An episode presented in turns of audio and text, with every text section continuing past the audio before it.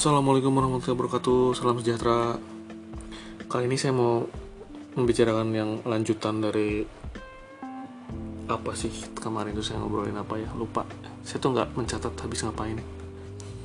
Uh, Soal uh, media sosial uh, Dunia digital yang memecah belah Bukan yang persatukan gitu. Jadi nggak kayak slogan Connecting people Tapi dividing people ada istilah yang uh, udah lama sebenarnya yaitu eco bubble. Eco bubble ini bagaikan gelembung.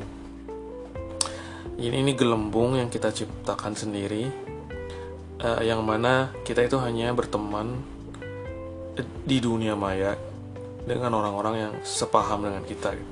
Ini sebagai contohnya saya ambil yang uh, aman lah, yaitu misalnya bubur diaduk dan bubur tidak diaduk gitu kalau kamu penganut bubur yang diaduk gitu uh, kamu hanya akan memilih informasi-informasi yang sesuai dengan bubur yang diaduk. Begitu pula dengan teman yang sepaham dengan bubur yang diaduk itu. Uh, banyak yang nyalahin uh, perusahaan teknologinya bahwa wah ini kok algoritmanya nih yang membuat kita menjadi seperti ini gitu. Dari satu sisi benar tapi satu sisi lain kan jangan lupa ini kan bubble bubble itu gelembung sama kayak anak kecil bermain gelembung sabun. Gelembung itu mudah dipecahkan. Dan siapa yang bisa memecahkannya? Ya kita sendiri. Jadi echo bubble atau echo chamber atau ruangan gema ini mengisolasi para para anggotanya dengan apa yang terjadi di luar kelompok mereka gitu. Dan ini juga sebenarnya menggosok ketidakpercayaan terutama terhadap kepakaran gitu. Uh, dalam banyak hal hanya dalam pandemi saja gitu. Yang mana pendapat para pakar para orang-orang ahli gitu yang lebih pintar soal ini dan itu itu tidak dipercaya kalau tidak sesuai dengan misalnya paham bubur diaduk atau paham bubur nggak diaduk gitu. Dan yang terjadi adalah sebenarnya masyarakat terpecah terpecah terpecah belah. Walau sebenarnya e, bisa dikatakan ini mungkin hanya fenomena yang berada di kota besar dan pendidikan Eh, menengah ke atas gitu. Di pedesaan nggak seperti ini gitu. Masyarakatnya masih guyup masih bekerja sama masih uh, masih hidup bersama dengan yang berbeda. Tapi kan fokusnya bukan itu yang saya obrolkan saat ini. Fokusnya adalah uh, bahwa gelembung gema ini sebenarnya bisa kita pecahin sendiri gitu dengan misalnya tidak uh, tidak tergantung 100% pada satu sumber aja gitu. Dan sebenarnya tips-tips selanjutnya sih tips-tips yang membosankan ya yang tidak akan saya ungkapkan itu yang bisa dicari sendiri lah banyak gitu. Karena saya yakin saya bukan ahli saya bukan yang paling pintar jadi uh, di luar sana banyak yang lebih pintar yang lebih ahli silahkan ditanyakan pada mereka atau baca yang sudah mereka tuliskan gitu dan ini balik lagi ke diri kita sendiri gitu. Kita yang dalam tanda kutip salahnya gitu.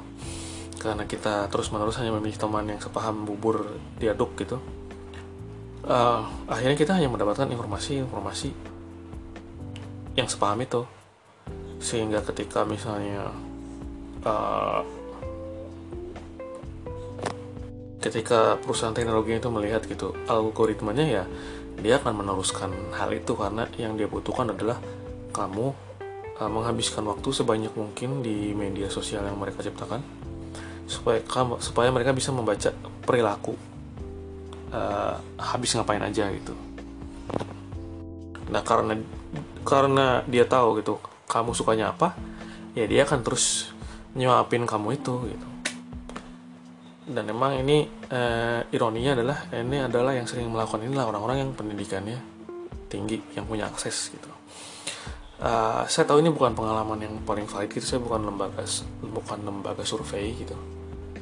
Uh, saya baca beberapa hari yang lalu di koran kompas gitu bahwa ya menurut beberapa survei emang uh, kecenderungan polarisasi itu pengkutuban orang-orang yang uh, saya cuma mau temenan sama yang sepaham aja atau hanya ber, hanya mau mengkons, mengonsumsi yang sepaham aja itu justru adanya dia orang yang pendidikan tinggi gitu.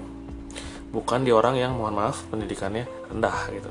Dan emang ini uh, pengalaman pribadi saya gitu kalau ketika berinteraksi gitu dengan berbagai macam orang itu ketika saya berinteraksi dengan uh, katakanlah mereka bukan yang penonton streaming service bukan yang rajin ke bioskop bukan yang senang beli uh, kopi dalam tumbler besi seharga 600 ribu rupiah gitu. Mereka justru melihat permasalahan yang ada tuh lebih jernih gitu. Mereka bisa lebih tahu bahwa oh ini hanya sekedar permainan politik aja. Oh belum tentu loh uh, hal begini itu begitu gitu.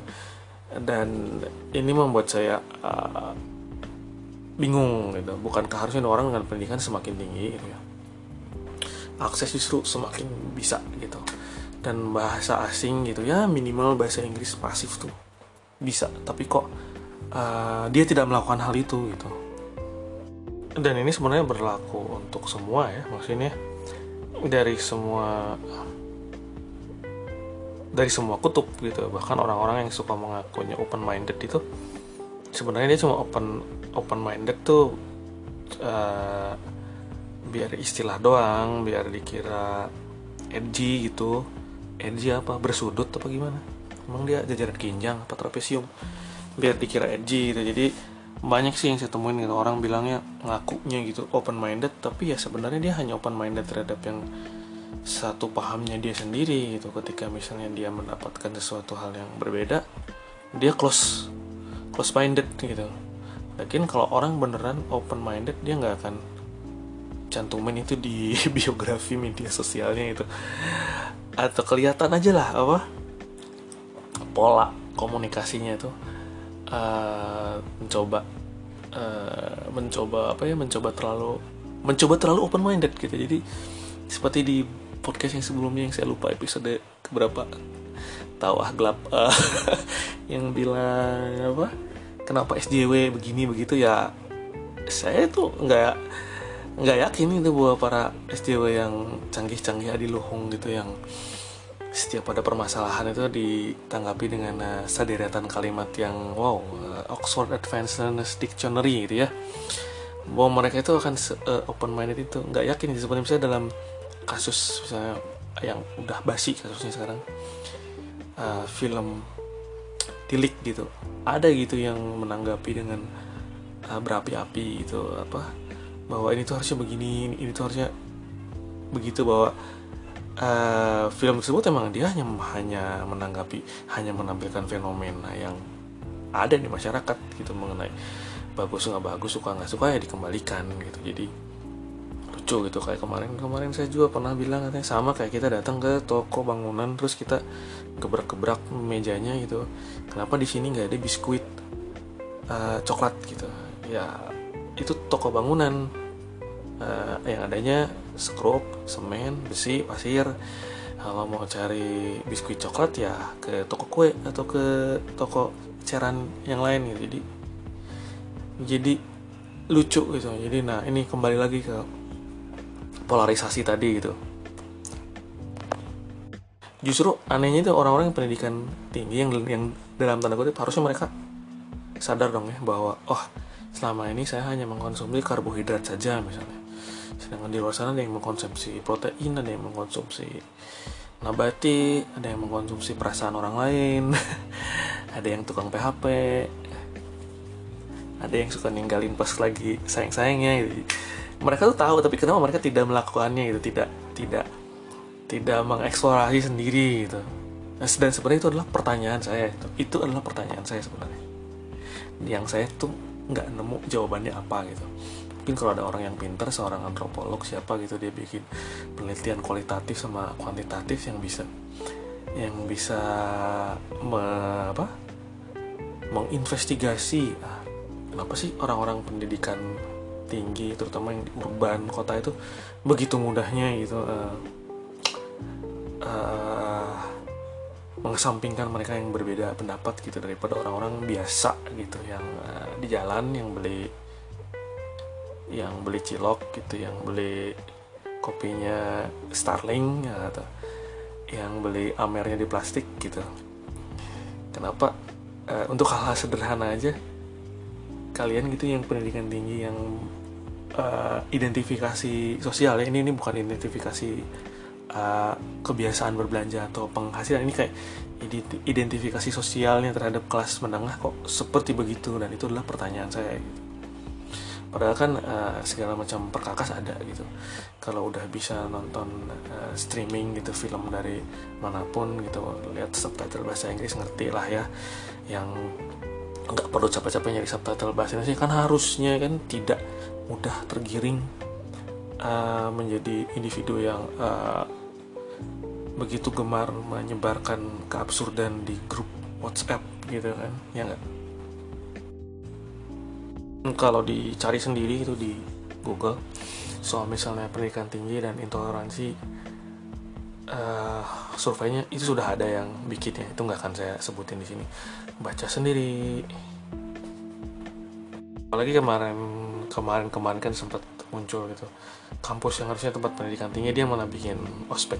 Nggak jelas gitu yang ya mungkin ketika zaman saya yang masih ada kuat militerismenya, kuat orde barunya itu mungkin masih dalam tanda kutip dipahami. Tapi kalau sekarang itu, yang mana kamu membutuhkan kompetensi-kompetensi yang lebih berfaedah gitu daripada sabuknya mana? Sudah bilang salam belum? Mana topinya? Kancingnya kok kurang ya? Ayolah. Soalnya kalau dari dari ini apa istilahnya sih uh, pandangan helikopter helikopter view gitu bahwa peradaban itu masyarakat itu dibangun oleh masyarakat yang berbeda yang saling berbaur uh, mengadu uh, pendapat-pendapat wacana mereka bagikan atom yang berbenturan gitu sehingga peradaban itu maju gitu. Emang ini sesuatu yang uh, sumir ya. Di satu sisi hmm, itu emang hak setiap orang gitu. Kamu berteman dengan siapa kamu mau konsumsi apa itu hak setiap setiap orang. Saya nggak uh, saya nggak berhak bawa gergaji listrik pakai topeng ski terus mengejar-ngejar orang yang seperti itu sambil gergaji listriknya saya nyalain gitu. Saya nggak saya nggak ada hak sama sekali. Tapi juga di sisi lain kalau misalnya kelompok-kelompok kecil ini dibiarkan ah udah saya cuma mau dengan yang sesama bubur diaduk aja saya mau bubur tak diaduk ada saya mah bubur yang ditaburi bubuk plutonium aja. Nah kalau seperti gitu selama bertahun-tahun peradabannya gimana mau maju. Sedangkan kita kan ada perubahan iklim lah ada kemiskinan lah kesenjangan sosial lah gitu. Dan ini memang sangat ironis gitu bahwa uh, teknologinya maju tapi orangnya enggak. Dan ini memang buktikan balik di beberapa episode ke belakang gitu. Yang bilang ini jadi sebuah pertanyaan gitu. Jangan-jangan emang kita yang harus memilih teknologi mana yang sesuai dengan uh, budaya kita gitu. Nah ini kan kesukaan orang Indonesia kan sesuai dengan budaya ketimuran. Nah kita kalimat kesukaan orang Indonesia kan sesuai dengan pesan moral yang dikaretin. Justru kita yang harus memilih itu. Jadi bukannya kita yang uh, dipilih oleh para orang-orang pintar di Silicon Valley itu ya nggak.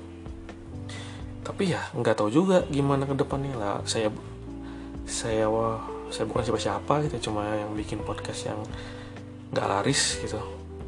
Karena kalau mau bikin podcastnya laris itu tema-tema kontroversial gitu ya yang open minded gitu yang ngomong ya apa ngobrol seks gitu ya dengan bubuhan-bubuhan kalimat-kalimat yang uh, tidak lolos lembaga sensor gitu. Tapi ya gimana lagi ya nggak?